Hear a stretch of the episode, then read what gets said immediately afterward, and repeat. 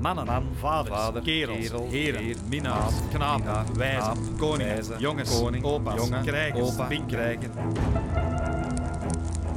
broers, zoons, pompa, venten, knullen, vrienden, gozers, wazer, nonkels, gasten, vrijers, kastaar, kastaar, makkers, kleinzoon.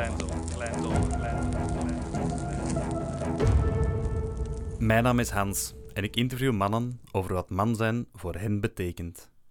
Hans, welkom bij Podcastman. Uh, het is vandaag uh, vrijdag, het is een gure dag, het is een koude dag, misschien wel de eerste koude herfstdag van het jaar. maar we zitten hier binnen gezellig uh, bij plazige katten, bij een kop warme thee.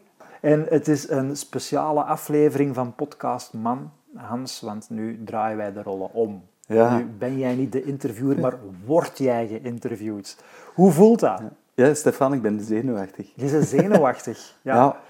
Ik heb nu twintig afleveringen gemaakt met twintig verschillende mannen. Ja. Ik heb ooit eens een, een versie gemaakt waarin ik mezelf heb geïnterviewd. Ik had zoiets, het is, het is tijd voor dat opnieuw te doen. Mm -hmm. Waarom nu, Hans? Waarom na twintig afleveringen? Um, de podcast is even met vakantie geweest. En nu is het ook wel tijd voor mijn, mijn verhaal. Dus zo de focus op verhalen van anderen. Ja, dat is wat geswitcht. Ik ben klaar om naar mijn verhaal te kijken. Ja, oké. Okay.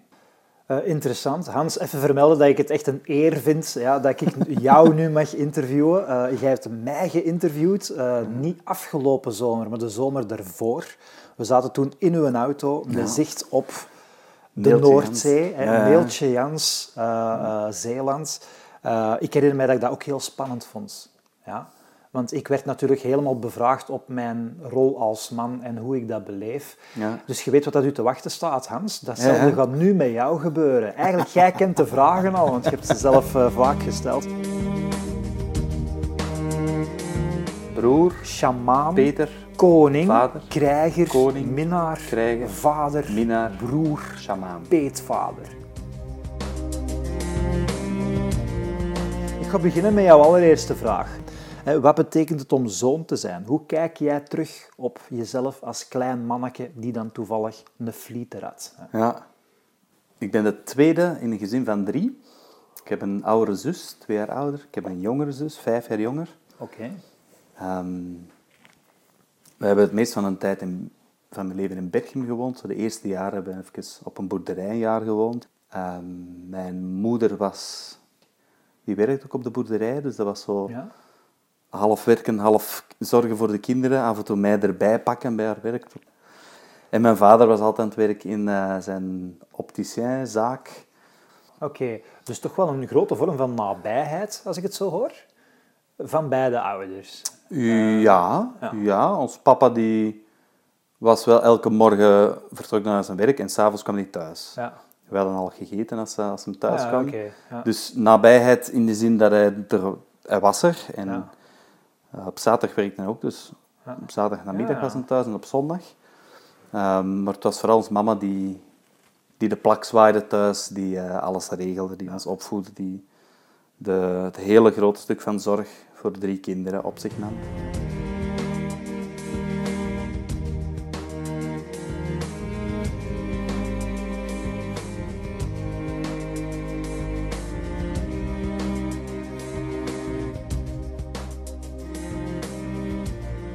Wat zijn jouw vroegste herinneringen aan, hé, hey, ik ben een jongen en dat werkt dan zo en zo en zo? Ik denk dat dat was, wij noemden dat kruispipi. Zo met ons papa samen in het toilet en dan zo samen plassen. Ja. En zorg dat onze twee plasstralen elkaar kruisten. Allee. Fantastisch, Ja. kruispipi. Ja. Kruispipi. ja. Ik denk dat dat zo het eerste... Ja, kruispipi. Ik doe dat nu met mijn zoon. Ah, oké. Ja.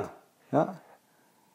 Misschien is dat een heel grote blinde vlek voor mij, maar ik heb nooit kruispipi gedaan. Ik heb een dochter. Ik heb een dochter, Ja. dus ja, daar gaat niet echt mee gebeuren, denk ik. Maar ehm, het is de eerste keer dat ik dat hoor. Heb jij in de loop van uw podcast andere kruispipiisten tegengekomen? Ik denk dat dat de eerste keer is dat ik het vertel. Ja, oké. Geweldig. Ja. super. Ja.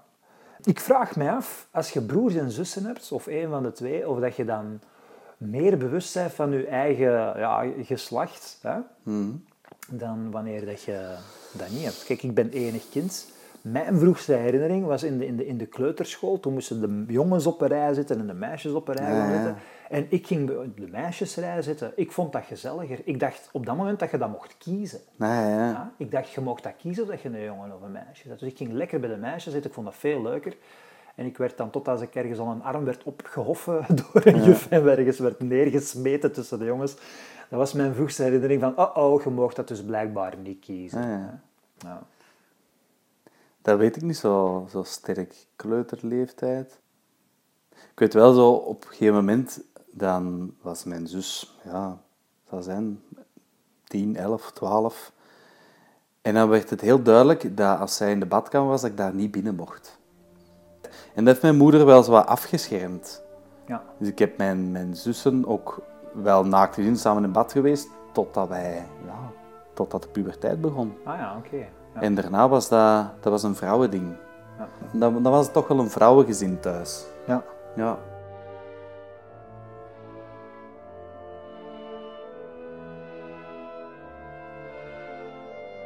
Mijn ouders zijn gescheiden toen ik 16 was. Oh ja.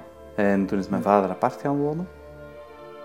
En dat was nog wel meer een vrouwenclub thuis. Ja. Ja.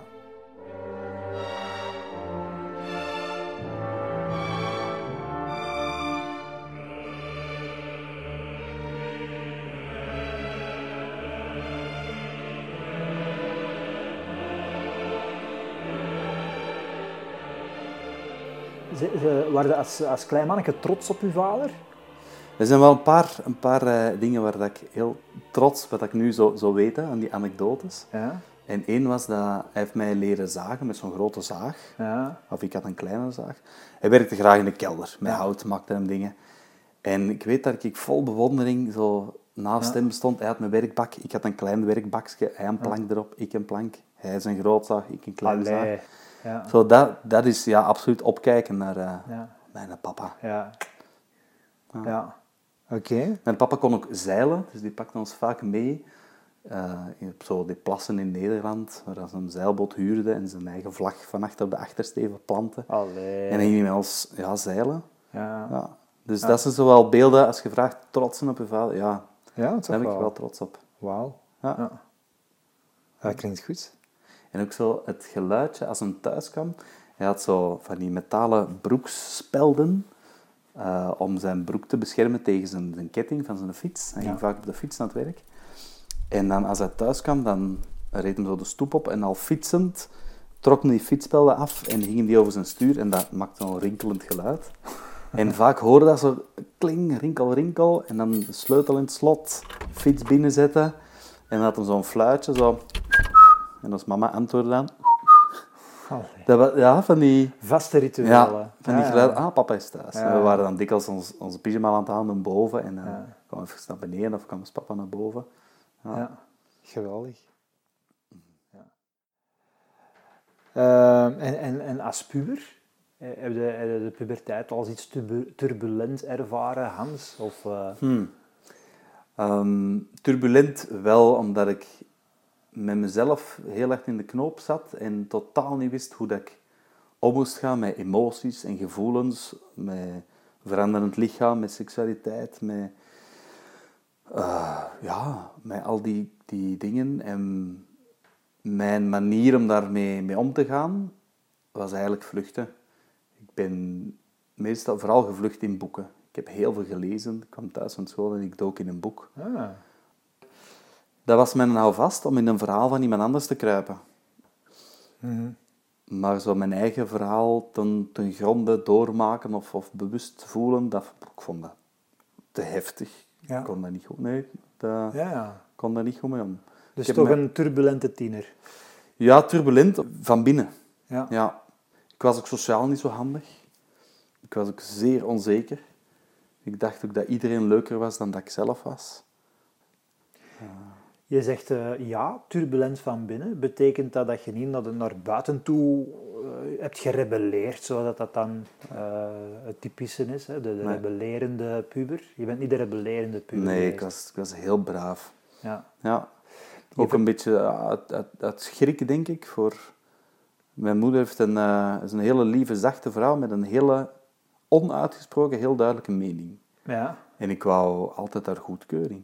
Ja. Ik wou het altijd goed over mama. Ja. Dus je wou haar niet teleurstellen, je Nee. wou haar niet voor de borst Nee. stoten. En zelfs al had ik een plan en dan keek zij zo van, goh, misschien is het handiger, zonder dat ze dat ooit heeft gezegd. Ehm, ja, van, pak het misschien anders aan. Dan voelde ik van, ja, oké, ik ga het misschien toch niet zo doen zoals ik had bedacht. Terwijl dat in mijn ogen een, een recalcitrante puber die denkt, fuck you, ik doe mijn ding. Mhm. En achteraf zal ik wel met de blutsende builen thuiskomen en zien, ah ja, oké, het had ook anders gekund. Maar die ervaring heb ik mezelf ontnomen.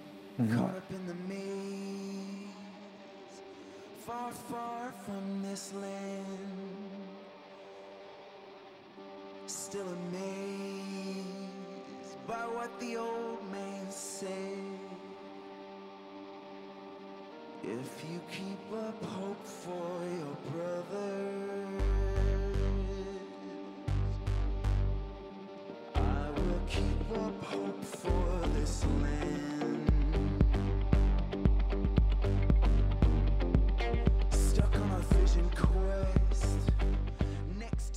Een man of een manbeeld kan uiteenvallen in verschillende archetypen. Net zoals bij je vorige podcast eh, laat je mensen er een aantal selecteren die hen aanspreken. Je hebt er hier zelf een aantal gekozen. Hè? Eh, shamaan, koning, minnaar, krijger.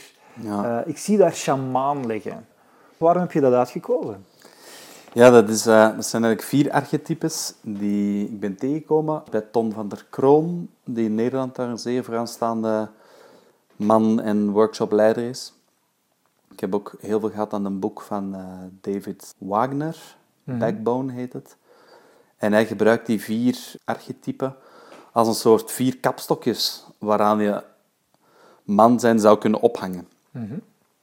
Wat ik heel duidelijk daarin gemerkt heb, dat er twee zijn waar dat ik mij duidelijk mee connecteer, waar dat ik merk, oké, dat heb ik echt meegekregen, en twee wat minder. En de shamaan, dat is eigenlijk wel een die, dat, die dat ik goed ken, die dat ik geleerd heb, ook van mijn vader, over wijsheid, eh, filosoferen, nadenken over andere concepten. Eh, ook, mijn vader is ook heel religieus, dus eh, wereldbeeld, God, geesten, vorige levens, volgende levens, het bewustzijn van aarde, van mensen, heel de menshheidsontwikkeling. Dat zijn dingen waar, ja, waar dat ik als jong kind in aanraking mee kwam en wat, ja, dat is een beetje met de paplepel ingegoten. Ook een, een bestaan naast ons fysieke bestaan van andere levels van bestaan. Ja. Ehm, dus ik heb wel eens hè, te horen gekregen van mensen die mij op leeftijd 16, 17, 20 eh, spraken van amai, wat dat jij allemaal mee bezig bent. Ik ken geen mensen van uw leeftijd die daar mee bezig zijn. Ja. Ja. ja. Soms wat te serieus zijn ook. Ja. Soms alleen maar met die ideeën bezig zijn en niet, niet veel voeling hebben met de, de realiteit. Ook al blijven hangen in dat, dat denken, of, of vooral, ja. dat, eh, dat ken ik. Ja. Ik kan me voorstellen, als uw vader er zoveel mee bezig was, je geeft zelf aan, op jonge leeftijd pakte je dat mee op en bepaalde dat jouw blik op, op eh, Ja. de wereld en op het leven. Nu, vandaag, hè, eh, we maken even een sprong naar het heden. Ja. Die, die, de, de shamaan in jezelf, als ik het zo mag noemen. In welke mate bepaalt dat vandaag het leven van alle dag? Ja, ik ben, ben heel blij dat ik dat onderdeel in mij ehm, heb en dat, dat redelijk ontwikkeld eh, heb afgelopen jaren. Want dat geeft mij de kans om terug te kijken op mijn eigen leven, om zelfbewustzijn te hebben, om mijn fouten of mijn ongemakkelijke dingen die ik gedaan heb, of die ik nog wel eens doe, daar bewustzijn van te kunnen hebben en dat, dat te kunnen zien. En dat heb ik wel nodig, wil ik dat, wil ik dat veranderen. Er zijn dingen die dat ik niet zo handig doe. En als ik daar geen bewustzijn van heb, dan blijft dat op het niveau van, ah ja, dat is onhandig.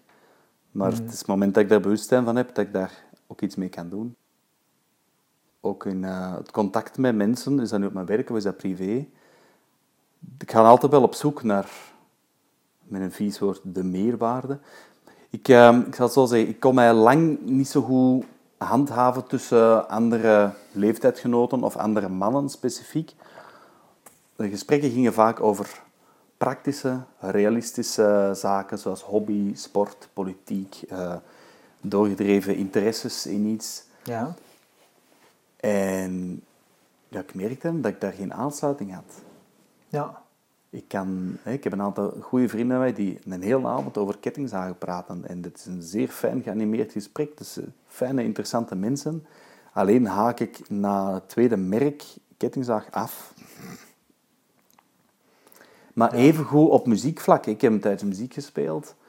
Ehm, maar als het dan echt specifiek gaat over het instrument of over eh, stromingen in de muziek, ik haak op een gegeven moment af. Ja. En wat ik gemerkt heb, ik haak niet af als het over, ja, over, over, over grote thema's in het leven gaat. Of, eh, Ja. of zelfbeschouwing, of dingen dat je leert als mens, ontwikkelingsfase, eh, psychologie. Daar haak ik niet af. Dus dat is eigenlijk wel mijn, mijn ding ook. Ja. Ja. Hè, Shamaan is, is meer esoterisch, eh, spiritueel. Daartegenover staat de krijger. Ja. Ja, de krijger is de, degene die dingen voor elkaar krijgt. Hè? Die, Ja, letterlijk de krijger. Ja, ja. zo heb ik het nog nooit gezien. Krijger, van ik krijg de dingen. Ik Zo krijg de dingen het, is goed dat je het allemaal overziet, maar wie zet het in de wereld? Dat is niet die shamaan. Ja. Dat is wel degelijk de krijger. Hè? Die, die hakt knopen door. Dat is ook het stuk wat dat, ja, wat dat korte metten maakt met dingen. Ja. Te lang zeuren, nee, op, klaar, op, actie.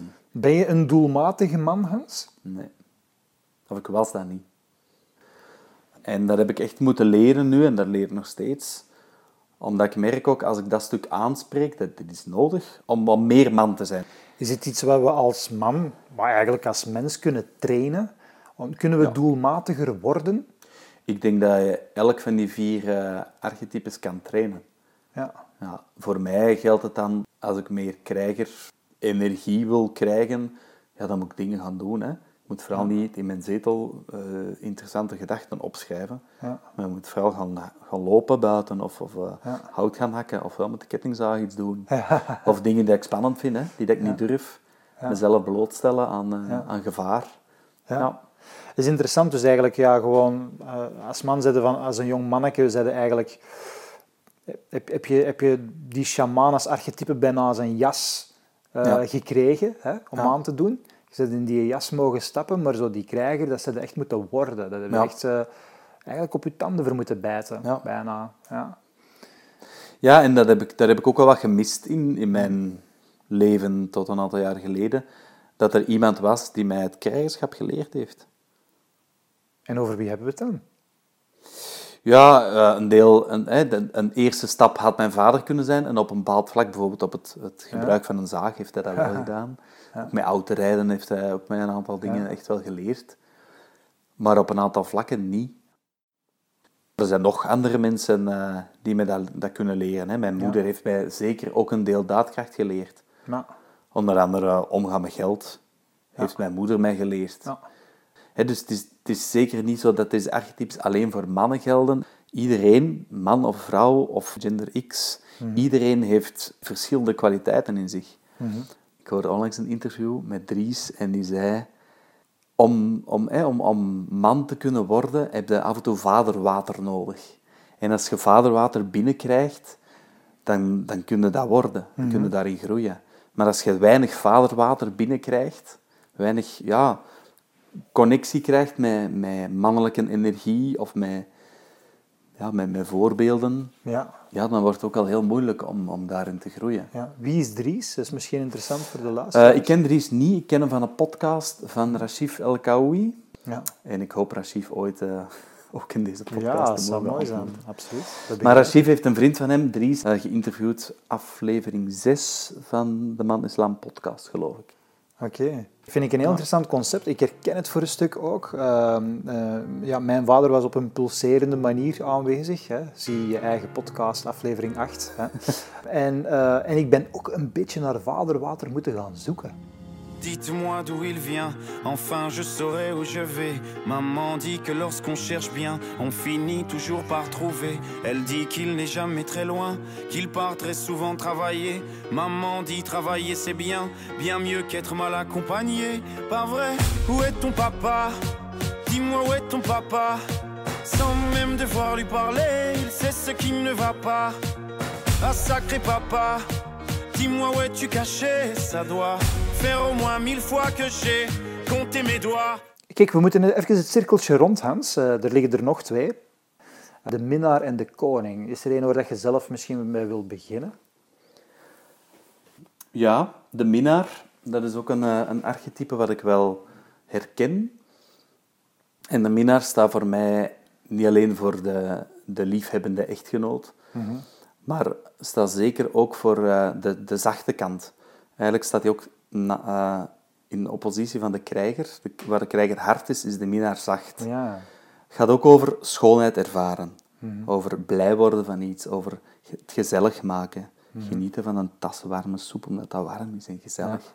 Ja. Ja. Um, de minnaar is ook, in mijn ogen, iemand die, die zichzelf, en, maar ook zijn, zijn geliefde, kan laten ontdooien. De mhm. rust kan geven. Ja, tijd nemen, aandacht geven.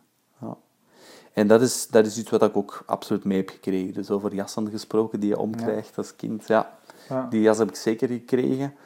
Um, deel van mijn vader. Mijn vader is, is altijd op zoek naar, naar het goede en het juiste. En mhm.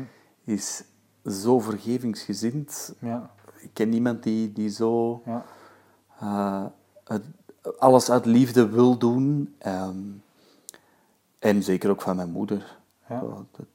het lief zijn, het willen helpen, het zorgen. Uh, ja. Ook zo, mijn connectie met kinderen heeft daar ook mee te maken. Ja. ja. Uh, koning, koning. Ja, klinkt als leiderschap, maar toch een ander soort leiderschap dan shamaan. Hè? Ik zie dan zo echt zo de, de rechtvaardige heerser van, van een volk, die ook wel een visie heeft over zijn land en Mhm. En weet van, kijk, we gaan dat doen en daar hebben we dat voor nodig. Maar de koning is wel degene die het roer in handen houdt. Ja. Dat is ook iets wat ik bij vrienden heel duidelijk zie. Die jongens die weten op, op 12-jarige leeftijd, dat wil ik worden. En die zetten alles in hun leven zo dat ze uitkomen in, in de richting die dat ze toen hebben bedacht. En ik heb er mij daar heel erg aan gespiegeld. Ja, ik ben daar eh, soms een beetje jaloers op, op mensen die heel vroegtijdig weten wat dat ze in hun leven gaan doen. Ja. ja, ik heb me daar heel lang ook minder waardig door gevoeld, want ik dacht, zo moeten dat doen. Zo doe je dat. Ja, ik ook. Ja.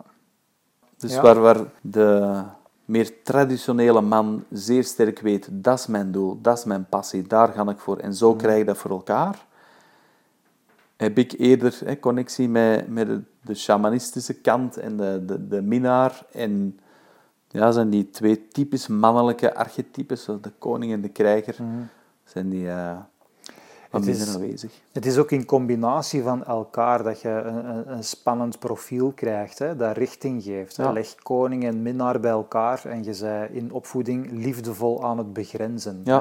Of je zet een krijger en een shamaan bij elkaar en je zei de op een heel doelmatige manier met iets bezig, maar met een moreel kompas of met een spiritueel kompas of zoiets. Eh. En ik vind het heel fijn dat je zo een puzzel van archetypes in jezelf ziet. En totdat die lekker begint te voelen. Hè? Totdat dat jouw DNA wordt. Um, maar dat vergt ja, een proces van volwassenwording. Hè? Ja.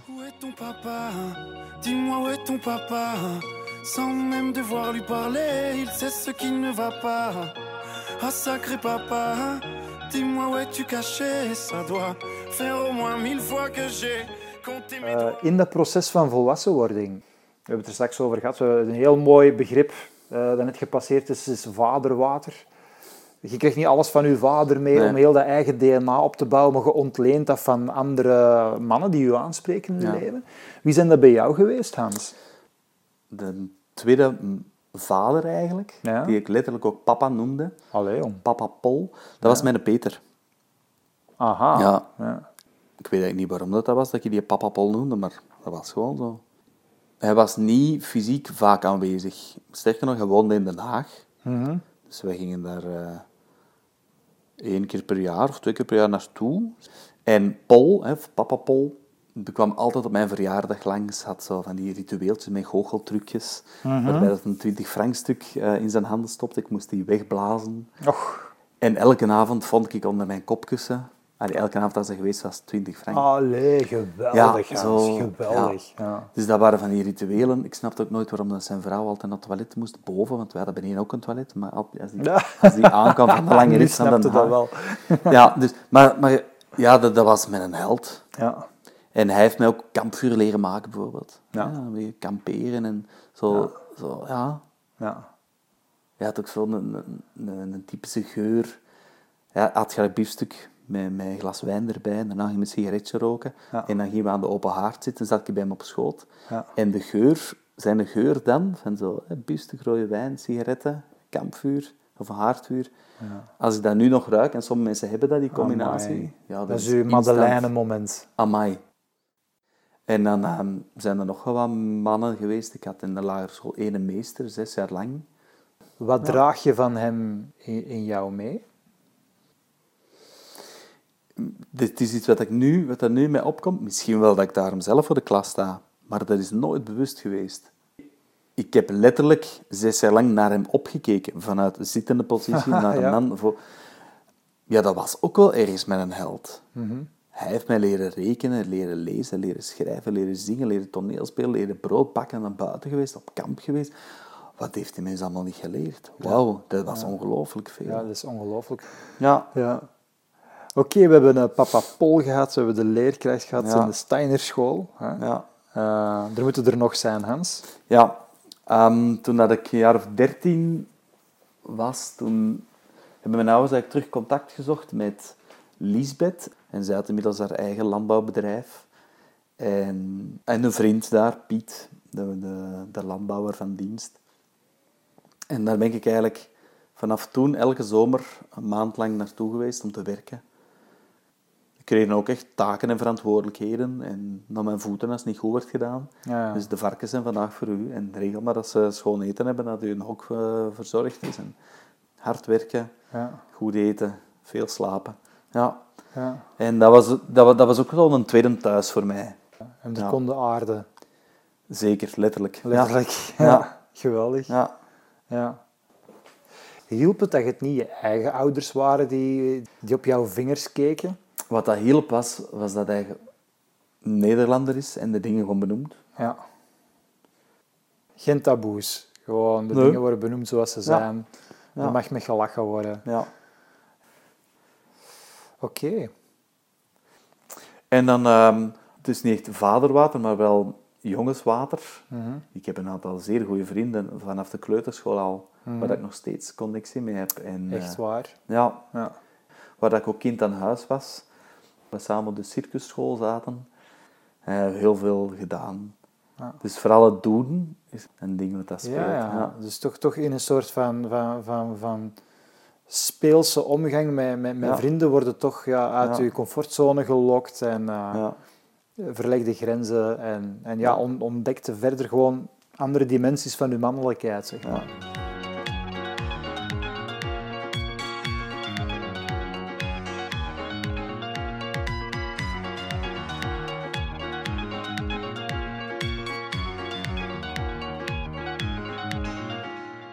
Over dimensies van mannelijkheid. We zijn nu opgegroeid, we hebben een beetje een inzicht van eh, waar dat je partities mannelijkheid bij elkaar hebt getankt. Hè, en dan zijn je volwassen en, ehm, en ja, je, je, komt in het onderwijs, dat voelt als een normale habitat, maar dan natuurlijk het ultieme moment, je komt een vrouw tegen. Je komt in ieder geval een vrouw tegen waarvan dat je denkt, dit is ze.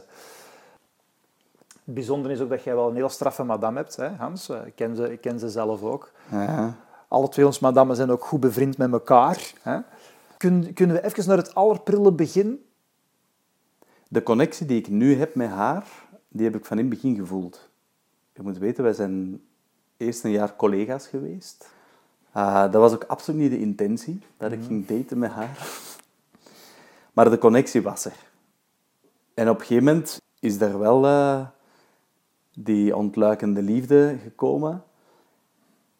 En dat was voor ons allebei wel zo van, wow, wacht, wacht wow, ehm, wat, wat is dit en hoe gaan we dit doen en willen wij dit wel? En, en dan heb ik ook al zo het moment van, I've got nothing to lose Ja. gevoeld. Ik ga hier 100% voor, ik voel dat zo hard. I gotta take the risk.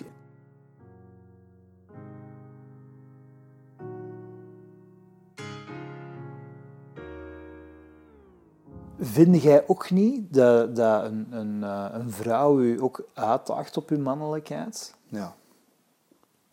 Ik ga dan even nog iets schetsen, hè, wat ik Hmm. de laatste tijd veel mee bezig ben. Je hebt zo het, het van yin en yang. Ja. En wat dat mij opvalt, is dat in het bolletje van het zwarte deel, daar zit een witte kern in. Ja. En in het bolletje van het witte deel zit een zwarte kern in. Ja. Ik kwam, las onlangs een boek over relaties en over man-vrouw. En daar werd eigenlijk in gezegd, de man is sterk aan de buitenkant en zeer kwetsbaar aan de binnenkant. Vrouwen zijn kwetsbaarder aan de buitenkant, puur fysiek, qua kracht, en zijn zeer sterk aan de binnenkant. Ja. Ik denk dat er een link is naar waarom mannen zo weinig praten over gevoelens. Ja, ja, ja. Waarom mannen zo moeilijk hebben met falen. Ik herken het beeld wel. Ja. Als ik zie hoe, hoeveel kracht mijn vrouw heeft doorstaan met twee bevallingen, Ja. hoeveel power dat er in haar zit. Ja. Ik word zeer uitgedaagd in mijn mannelijkheid, omdat mijn vrouw zeer veel mannelijke eigenschappen of, kwaliteiten in zich heeft. Ja. Andersom is dat ook zo. Eh, hè, Mijn vrouwelijke kant of mijn, mijn, mijn energie die je zou kunnen connecteren aan, aan, aan vrouwelijke energie, Ja. die spiegelt haar ook in, nou, hoe zit dat Ja. met dat stuk? Onder andere zorgen voor kinderen. eh, hè, dus daar, daar hebben wij een mooi evenwicht, zouden kunnen zeggen, maar geen traditioneel evenwicht. Ja. Ja. En dus, je bent een stuk tweeheid, en ik heb, we hebben allebei wel ook geleerd om een stuk terug los te komen van elkaar, om die eigenheid ook te, Ja. te hebben. Ja. En dat is moeilijk, dat is veel makkelijker om dat te doen als je alleen bent. Ja. Ja. Ja, dat, dat, dat vraagt ook terug visie en, en doordenkingsvermogen om daar connectie mee te blijven houden. Ja. Durf je hier en nu in je eigen podcast, Hans, eh, een, een heel moeilijk moment schetsen? Waarin dat je als man werd uitgedaagd in je relatie? Ja. Ik ben niet zo goed met planning. Ja, bijvoorbeeld de vraag, waar gaan we op vakantie? Ik vind dat een lastige vraag. Ik vind het prima om thuis te zijn. Ik vind het prima om wat gematigder in het leven te staan. En Ja. zo het, het voortkabbelen van de dagen, ik vind het wel een fijn gevoel. Ja. Ja, die, die vraag heeft me lang zo... Ah shit, ik moet, ik moet nu een fantastisch plan bedenken waar we op vakantie gaan. Maar Ja. dat betekent dus dat ik dan alles moet gaan regelen, organiseren. En dat, dat heeft vaak eh, tot botsingen geleid. De eis naar doelmatigheid Ja. eh, en kordaatheid. Ja. En, Hoe dat, dat komt, ik vind dat moeilijk om dat te voelen. Wat, wat wil ik? Waar word ik blij van? ja.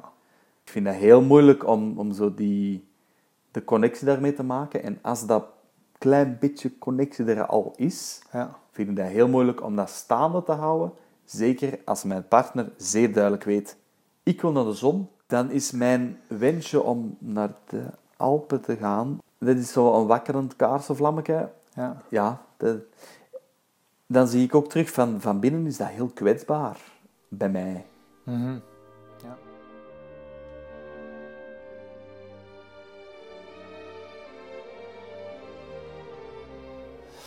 Er is, er is vandaag een dag eh, heel veel te doen over man-vrouw patronen en hoe dat het eh, steeds minder wit-zwart wordt, maar grijs, maar welke tint van grijs dan, enzovoort enzovoort. Hè. Hoe kijkt jij ernaar? Ik ben heel blij dat in de maatschappij de, de man-vrouw kwestie gelijk aan het trekken is. Ja. Ik ben ook blij om te zien dat emancipatie zoveel teweeg heeft gebracht. Ja. Ehm, ik zie dat ook daar wat in doorgeslagen wordt. Mhm. Ik sprak vanmiddag nog met een kapper en die zei... Ja, vrouwen hebben ons niet meer nodig, hè? Mhm. En daar ben ik het niet mee eens. Niet dat ik wil dat vrouwen afhankelijk zijn van mij, absoluut niet. Maar ik zie een degelijke een gelijkwaardigheid tussen man en vrouw die steeds meer gelijkwaardiger wordt. Maar ik wil een lans breken dat er geen gelijkheid is tussen man en vrouw. Wel gelijkwaardigheid, maar geen gelijkheid. ja. Wij zijn niet hetzelfde. Je bent een ander geëikt mens. Ja. Ja. Ja. Ik heb zeker een connectie met Jess als mens. Ja. Absoluut. Ik heb ook een connectie met jou omdat wij allebei Belg zijn. Of Europeaan. Ik heb ook een connectie met mensen van 38 jaar. Ik heb ook een connectie met leerkrachten. Eh, ik heb ook een connectie met podcastmakers. Ja, ja, Maar ik heb ook een connectie met mannen. ja. Ja, maar we zitten, we zitten wel in een soort van eh, ja, scharnierpunt tussen eh, Ja. twee tijdperken. Hè? Ah, Ik geef nu even een voorbeeld uit eigen leven. Ik kan ergens binnenkomen op, op, een, op een seminarie of een bijeenkomst die dan heel deftig is of, of ja, beroepsgerelateerd. Maar dan kende natuurlijk mannen en vrouwen die al jaren in die sector rondlopen of zo. En dan is het mij wel al gebeurd dat ik naar een tafel loop van ah, hier staan de knappe vrouwen, geweldig. Sinds, sinds MeToo, ik mij eigenlijk ook wel af, ah, soms afgevraagd van, oh Stefan, is dat wel een deftige opmerking zo? hè? Dat is een flap uit. Hè? In het tijdsgevricht waarin dat we nu zijn, is dat nog wel fatsoenlijk. Wat ik heel mooi vond aan een, eh, een TED-talk van Justin Baldoni, Amerikaanse acteur. Ja? En hij heeft ehm, een heel, heel schone TED-talk, moeten we zeker maar eens opzoeken. Ja? En hij zegt, vrouwen willen graag dat mannen kwetsbaarder zijn en, en hun, hun gevoelige kant ook laten zien. En hij doet een appel aan de vrouwen So, women, om mannen mee te helpen om die kwetsbaarheid te laten zien. and now I would like to ask you to formally help us because we cannot do this alone. We are men, we're going to mess up, but don't lose hope.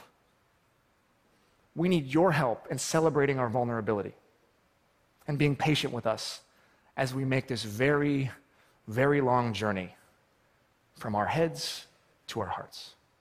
Want wat gebeurt er nu vaak? Dat als mannen dat laten zien, dat er meewarig gekeken wordt, ook door vrouwen, naar mannen. Mannen die pogingen doen om hun emoties te uiten, waar dat dan ik, ja, maar jij bent een man, jij moet dat maar kunnen. Ja, ja.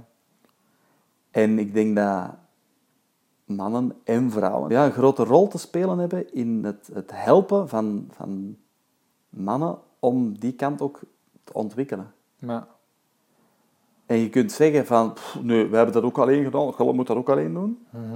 Oké, dat Ja. kan hè, dat gebeurt ook hè. ja. Eh, ik ga ook naar, naar mannengroepen waar wij spreken met elkaar en dat voelt zeer veilig. Het is een andere energie om dat onder de mannen te laten Ja, zien. En het zeker. helpt mij Zeker. om die kwetsbare kant, die openheid te, te tonen. Ja, want ik kan me voorstellen ten aanzien van vrouwen, ook al heb jij een fantastische relatie en zit jij niet op zoek naar een andere vrouw of zo, zelfs ook al speelt dat allemaal niet, ergens in een achterkamertje van uw hoofd is er toch zo'n stemmetje dat, dat stilletjes fluistert van ah ja, stel ik me niet te kwetsbaar op, Eh, als ik mijn gevoelens toon, eh, kom ik dan niet als instabiel over als man. Hè? Zo, Bij mij was dat, was dat juist andersom. Ik kon dat heel makkelijk met vrouwen, maar niet met jongens. Ja. En ik heb onder andere door, door dit project, door deze podcast, geleerd Ja. hoe ik dat ook met mannen kan delen. ja. En het is minstens even waardevol. Ja, ik kan me voorstellen, ja.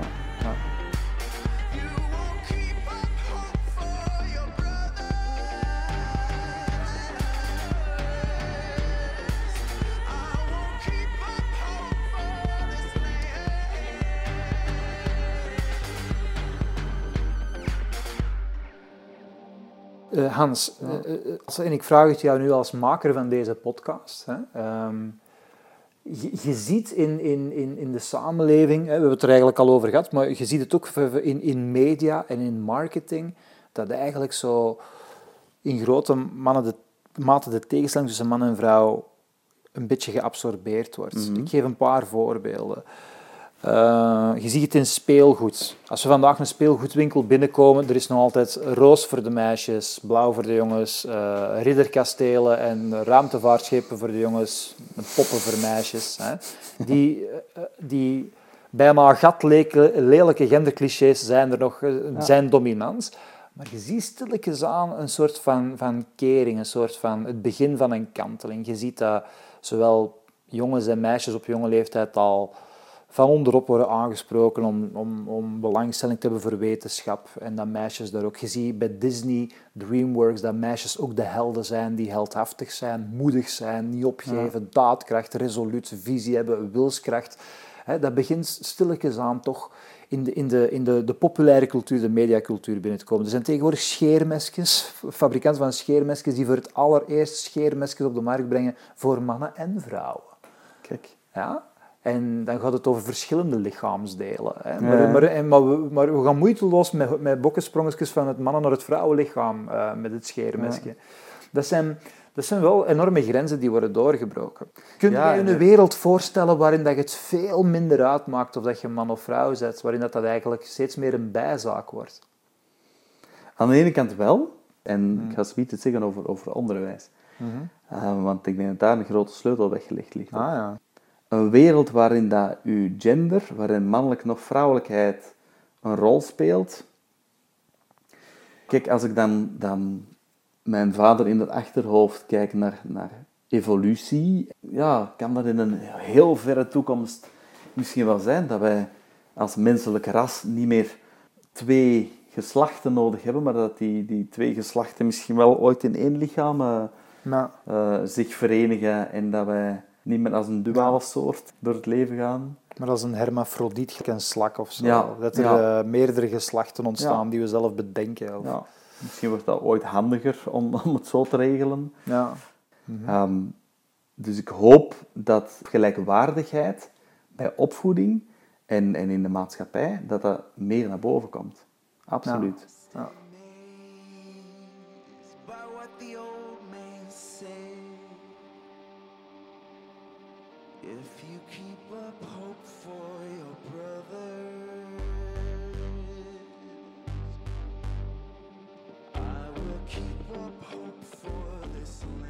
En al die jongens die moeite hebben met school, die moeite hebben met leren, die moeite hebben met het, het systeem, die uitvallen. Ik ken de percentages niet precies, maar de meerderheid van de uitval op scholen zijn jongens. De meerderheid van de, de personen in de gevangenis zijn jongens. En dat heeft volgens mij een deeloorzaak in, in, in onderwijs ook. Dat, de, dat het En- rolmodel van de man een beetje in crisis is in dat onderwijs? Of wijd je het daaraan? Nee. Jongens maken een, een onregelmatige ontwikkelingscurve door. En bij vrouwen is dat wat gelijk, bij meisjes is dat wat gelijkmatiger. Het empathisch vermogen is bij jongens later ontwikkeld. Het jongensbrein ontwikkelt ongeveer tot 24 jaar. En het meisjesbrein ontwikkelt tot ongeveer 21 jaar. Een meisjesbrein is sneller ontwikkeld. Het, het talige concept, het empathisch vermogen, het sociale vermogen, is sneller ontwikkeld bij meisjes. Alles wat er in je lijfje gebeurt, als je dat taal kan geven, dan kun je er iets mee. En jongens hebben gewoon die taal pas in een latere fase in hun leven, ontwikkelen ze dat. Ik zie het heel duidelijk, mijn zoon is zeven, mijn dochter is vijf. Mijn dochter weet, kan feilloos benoemen hoe ze zich voelt. En als je dat aan mijn zoon vraagt, dan is het, ja, hoe voelde je? Ja, ik weet niet. Kak. Wat ik dan ook zelf heb gemerkt, is... Ik had die taal ook niet. Of, of veel mindere mate. Wij zijn in onze maatschappij ook niet gewend om jongens daarbij te helpen. Er wordt op één manier lesgegeven. Aan jongens en meisjes op dezelfde manier. Ja. Jongens en meisjes ontwikkelen niet op dezelfde manier en moeten ook niet op dezelfde manier onderwijs aangeboden krijgen. Ja. Ik zeg wel samen en wel Ja, ik was net aan het denken. Absoluut. Luisteraars zouden daar een pleidooi impliciet in kunnen voor terug apart onderwijs. eh. Maar je zou af en toe wel kunnen zeggen, Ja. nu gaan wij een uur alleen de jongens iets doen en nu een uur alleen de meisjes. ja, ja. Net zoals je zegt, de snelle met rekenen, die mogen nu dat doen. En de kinderen die wat meer instructie nodig hebben, die mogen nu dit doen. Dat gebeurt ook. Hè. Ik pleit echt voor, voor een gelijkwaardigheid in aantal mannelijke en vrouwelijke leerkrachten. Los van hun kwaliteiten, hè. Ja, het zou mooi zijn dat dat in evenwicht is. Ik hoop dat het allemaal goede leerkrachten zijn, maar een mannelijk lichaam, een mannelijke stem, een mannelijke houding, een mannelijk lijf is anders dan een vrouwelijk lijf, dan een vrouwelijke stem, dan een vrouwelijke energie. Dat, dat is gewoon anders. En laat die twee alsjeblieft samen ook dat stuk, zeker voor kinderen, Ja. want dat is, dat is de toekomst.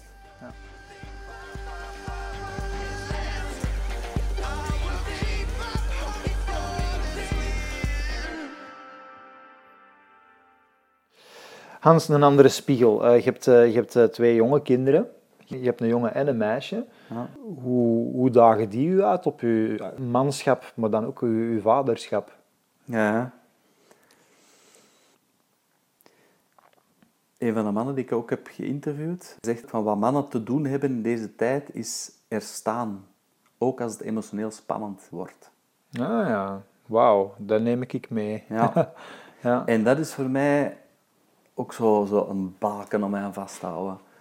Van oké, als het spannend is, en het is spannend als vader, hè, Mhm. zo'n een baby vier uur lang, pff, blijf er maar eens bij staan. Hè. Mhm. En oordoppen helpen geweldig, kan ik alle vaders eh, aanraden, om, om erbij te kunnen blijven staan. Maar dat is heftig, hè? Zo jonge kinderen. eh, ik ben zelf iemand die heel gevoelig is voor, voor geluid. Mhm. Het is zo twee lawaaimakers die, die ruzie maken. Mhm. En je wilt eigenlijk gewoon rustig een tas koffie drinken. Ik vind dat heel moeilijk. Ja. Dus weggaan is dan een makkelijke optie. Ja. Maar blijven staan, dat is de moeilijke optie. Ja, ja. Heel, heel praktisch. Mijn zoon vraagt altijd, papa kijk, papa, papa, papa, kijk eens. Bram Vermeulen heeft er ook een mooi eh, lied over gezongen, De Wedstrijd. En dat gaat dan over, kijk, mijn Lego Poppy heeft nu een stap vooruit gezet, het autootje is nu zo gerold. Ik vind het niet altijd interessant. Mhm. En hij vraagt dan, wilde jij meespelen? En ik heb echt geleerd om mee te spelen. Dat betekent ernaast te zitten, te kijken en aanwezig te zijn. Mhm. Maar vooral aanwezig zijn naast het spel en niet meespelen. Want ik speel graag mee met de treinen. Ik bouw graag mee eh, heel de spoornetwerken. Uh, dus dat is voor mij echt zo op mijn handen zitten en, en toekijken, maar wel aanwezig blijven. Dat is voor mij de uitdaging als vader, Mhm. ja, als man. Ja, er zijn. Ja, dat is zo de, de meest fundamentele, Ja. essentiële rol die, die je hebt Ja. hè, als vader. Je hebt, je hebt een jongen en een meisje. Heb jij het gevoel dat jij hen apart benadert of zo? Dat je een aparte omgang hebt en dat die toch gestuurd is door het feit dat ze een jongen of een meisje zijn? Zit dat in dingen? Ja, ik, eh, ik maak de fout om hen te vergelijken met elkaar. Ik verwacht soms van mijn zoon dat hij de dingen gewoon zegt. Wat, zeg nu gewoon wat dat er is. Ja, want uw zus doet dat ook. Ja, dat zeg ik niet bij, maar dat... Ja. Nee, nee, maar je denkt Ja. dat misschien. Ja. Ja. En ik leer te zien, dat, dat is niet zo evident voor hem. Dat, ja. Dus daar, daar zijn, zijn veel verschillen in. Ja. Zijn voor uw zoon harder, kordater en voor uw dochter zachter? Laat u leiden door hun geslacht? Ja? Ik weet niet of dat met geslacht te maken heeft. Of met de leeftijd, omdat twee jaar ouder is. Ja. Eh, terwijl mijn dochter op sommige vlakken verder staat. Op fysiek-motorisch vlak, daar is mijn zoon mijlen ver voor. Maar op een emotioneel vlak misschien. Mm. Ja. eh. Mijn dochter kan, kan haar emoties kan die goed pakken. Hm? Ehm, ja, als zij emotioneel het moeilijk heeft, of het is Hm. een drukke dag op school geweest, en die kan dan theatraal wenen en kwaad zijn en, en boksen tegen mij. En dan kan ik er voor haar heel goed staan, emotioneel, neutraal, de papa. Dat absorberen. Bij mijn zoon vind ik dat moeilijker. Ja. Ja. Maar ik probeer dat wel en ik slaag erop in. Zo. Het is herfstvakantie. Hij wil geen herfstvakantie. Ik heb geen zin in vakantie, papa. En er juist kwam het eruit met zo'n biggelende traan hier. En dan moet ik echt op mijn tanden bijten om niet te zeggen... Stop met zeuren, je vindt het plezant dat we naar de zee gaan. Maar om dat echt te horen, van ja... En dan zei hij ook, ja papa, ik ga een hele week mijn vrienden missen. Ik zie nu dus een hele week niet, hè. Ja. Dus, dus ja, dat stuk dan, pff, dat, dat horen en niet met oplossingen komen, maar gewoon, ja, oké, dat, is Ja. dat, is verdrie- dat is ook wel verdrietig, ja. Ja. dat vind ik als, als, eh, als papa een van de uitdagingen.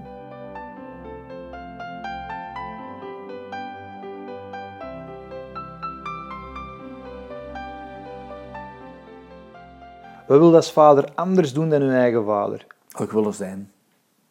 Ik wil fysiek aanwezig zijn, ik wil emotioneel aanwezig zijn, ik wil sociaal aanwezig zijn, ik wil mentaal aanwezig zijn, ik wil betrokken zijn bij hen. Ik hoop dat ik mij nog minder dan nu bemoei met hen. Ik wil hen zo weinig mogelijk opvoeden, maar door mezelf op te voeden een voorbeeld geven aan hen. Door er, er te zijn. Ik heb dezelfde handen. En ik krijg jouw rimpels in mijn huid.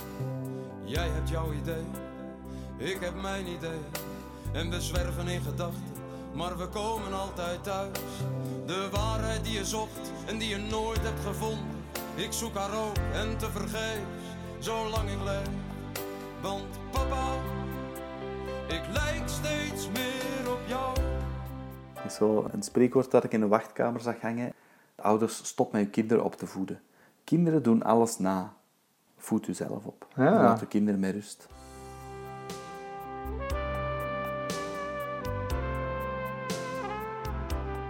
Ja, dus die voorbeeldfunctie Ja. is, is echt wel een dominante strategie in, uw, in uw opvoedingsstijl dan. Ja, toch? het leven. Ik heb het moeilijk met je moeder. Op een gegeven moment zijn wij ruzie aan het maken.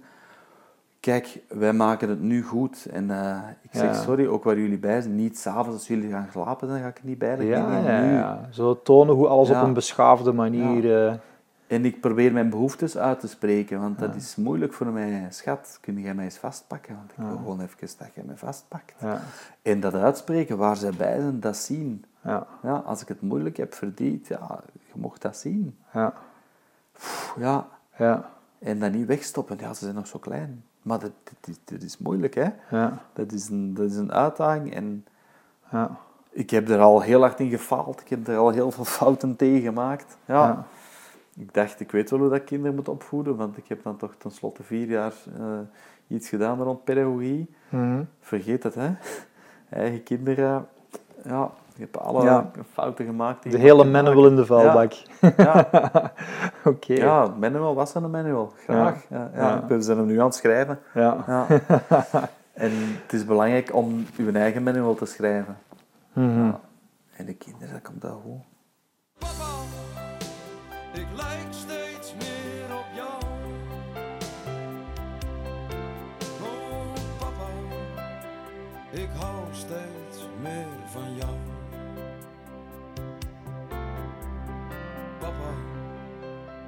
Ik lijk steeds meer op jou.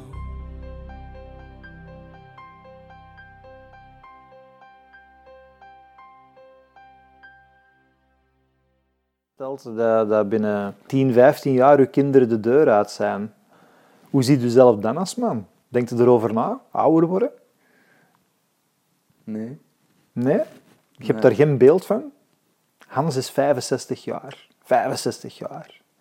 Die wordt wakker morgens. Die begint dan zijn dag. Hè? Wij zijn de ideale dag van een Hans.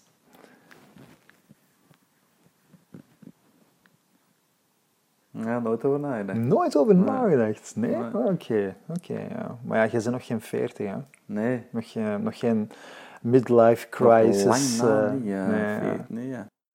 Ik hoop uiteraard, maar ik denk dat elke vader dat hoopt, dat op een gegeven moment zijn kinderen zeggen van, goh, pa, je hebt dat wel goed gedaan, of dat laten merken.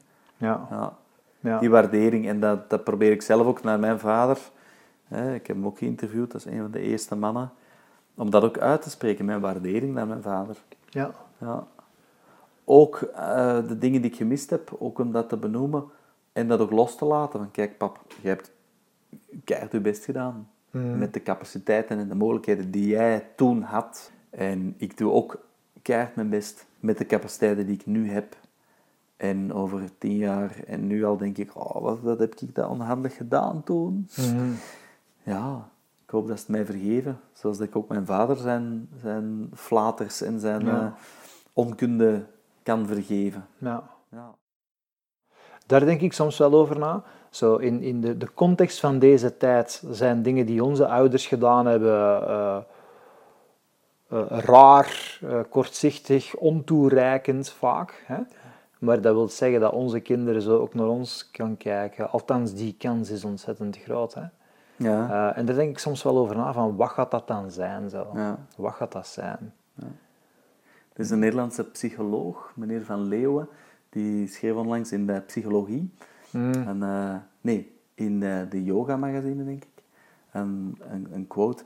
Kinderen vragen altijd meer dan ouders kunnen geven. Hmm. Altijd, per Ja. definitie. Ja. Dus je doet als ouder altijd tekort. Hmm. Maar het zijn misschien juist de tekorten die je hebt, of dat je meeneemt als kind, wat dat dan de uitdagingen worden van, kijk, daar dan kun je ontwikkelen. Ja, dat is een soort van witruimte die, Ja. die een kind ook nodig heeft om in te ontwikkelen. Ja. Ja, en ook, hè, ik sprak onlangs een, een papa in, in, in, op mijn werk. En die zei, ah, mijn vader was altijd zo. En ik probeer dat nu zo anders te doen. En, ah, ik vind dit belangrijk. En mijn vader vond dat nooit belangrijk. En dan zei ik van, ja, maar het is juist omdat je vader dat u nooit gegeven heeft, dat dat nu juist uw kracht is geworden. Mhm.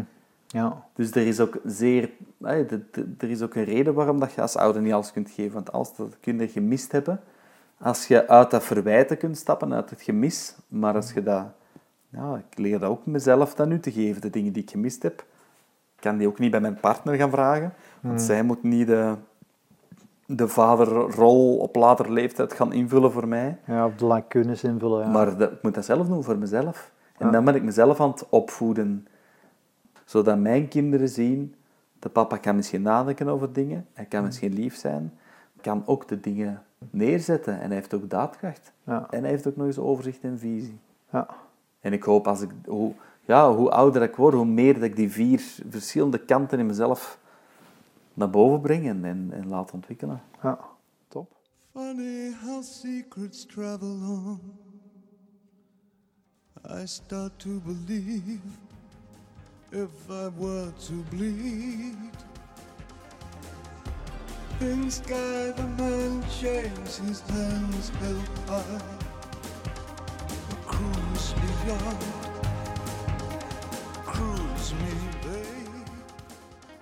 Oké, dan- daar- daarmee hebben we een vooruitzicht geponeerd, eh, Ja. Hans. Is er iets wat dat, waar dat je van zegt van, goh, daar hebben we het niet over gehad? Ja, ik heb tot een aantal jaar geleden erg veel vastgehouden aan mijn, mijn denken. En dat gespiegeld aan wat ik doe, of wat ik niet deed.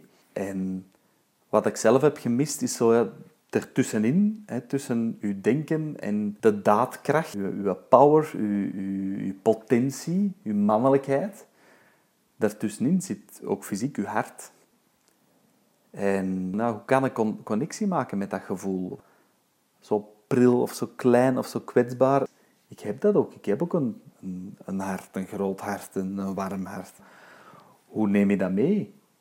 Tussen dat denken en, en dat doen. En ik heb in mijn, mijn jeugd waren gevoelens zo groot en die hebben mij vaak overspoeld.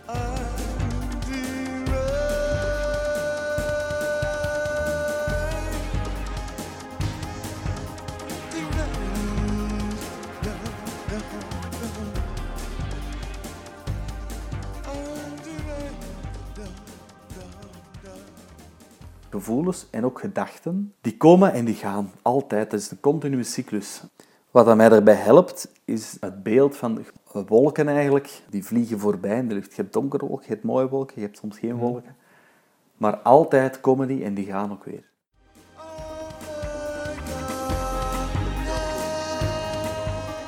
Wat dat mij dan houvast aan heeft gegeven, is ja, mijn lichaam. Wat is er nu? Ik zit nu hier in deze stoel en wat voor ambetante vragen dat je ook stelt. Oké, maar ik blijf zitten. Ja. Ehm, het is zo nu, het enige wat dat echt is, is nu.